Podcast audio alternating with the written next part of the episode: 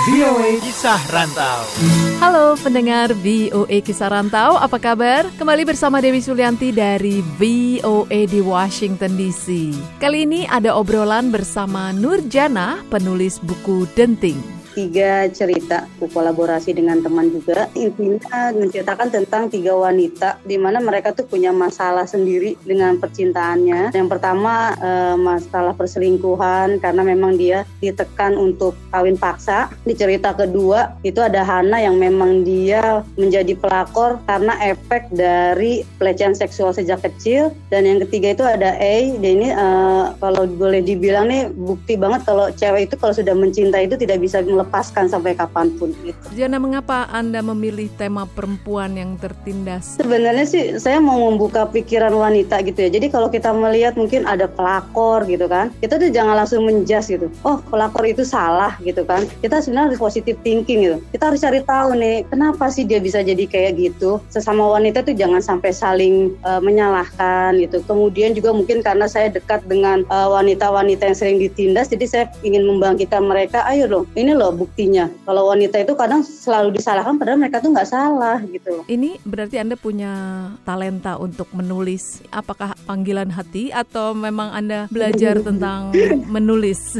Kalau dibilang belajarnya mungkin proses kemarin aja pas uh, kuliah ya karena kan saya kul baru kuliah nih ketika umurnya sudah hampir 30 lebih baru terus proses awalnya sih karena hobi aja gitu ya. Jadi pertama itu saya nggak seneng nulis ketika masih kecil itu karena memang saya orangnya apa ya nggak percaya diri mungkin ya karena keluarga yang tidak mengenakan gitu. Jadi saya lebih sering curhat ke kertas dibandingkan sama orang gitu. Dari situ mulai tumbuh terus kemudian uh, pas sudah kuliah gitu saya coba-coba ikut di grup kepenulisan itu kan. Nah di situ mulai lah kok kirim tulisan itu asik ya gitu kan. Akhirnya saya kirim ke grup mereka suka dan akhirnya udah sampai sekarang lah jadi jadi suka menulis aja. Bagaimana anda membagi waktu antara menulis dan pekerjaan? Uh, menulis itu adalah hobi, pekerjaan itu adalah utama. Jadi saya sebisa mungkin membagi kegiatan kegiatan menulis itu di luar jam kerja. Kalau misalkan untuk menulis khususnya sih biasanya ketika saya istirahat itu ada waktu satu jam itu biasanya saya gunakan. Atau mungkin kalau misalkan saya pulang ke rumah dengan menggunakan busway atau bis itu biasanya saya sambil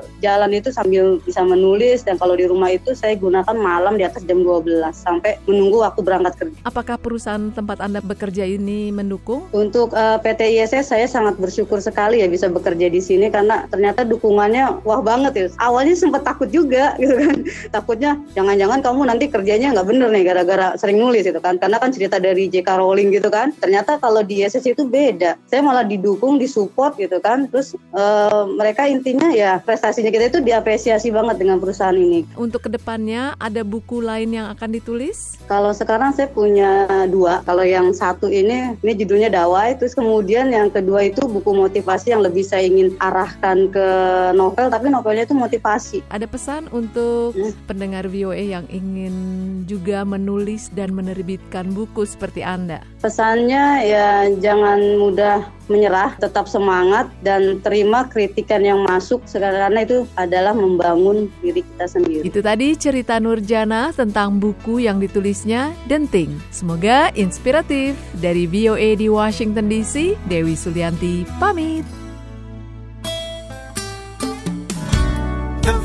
Of America.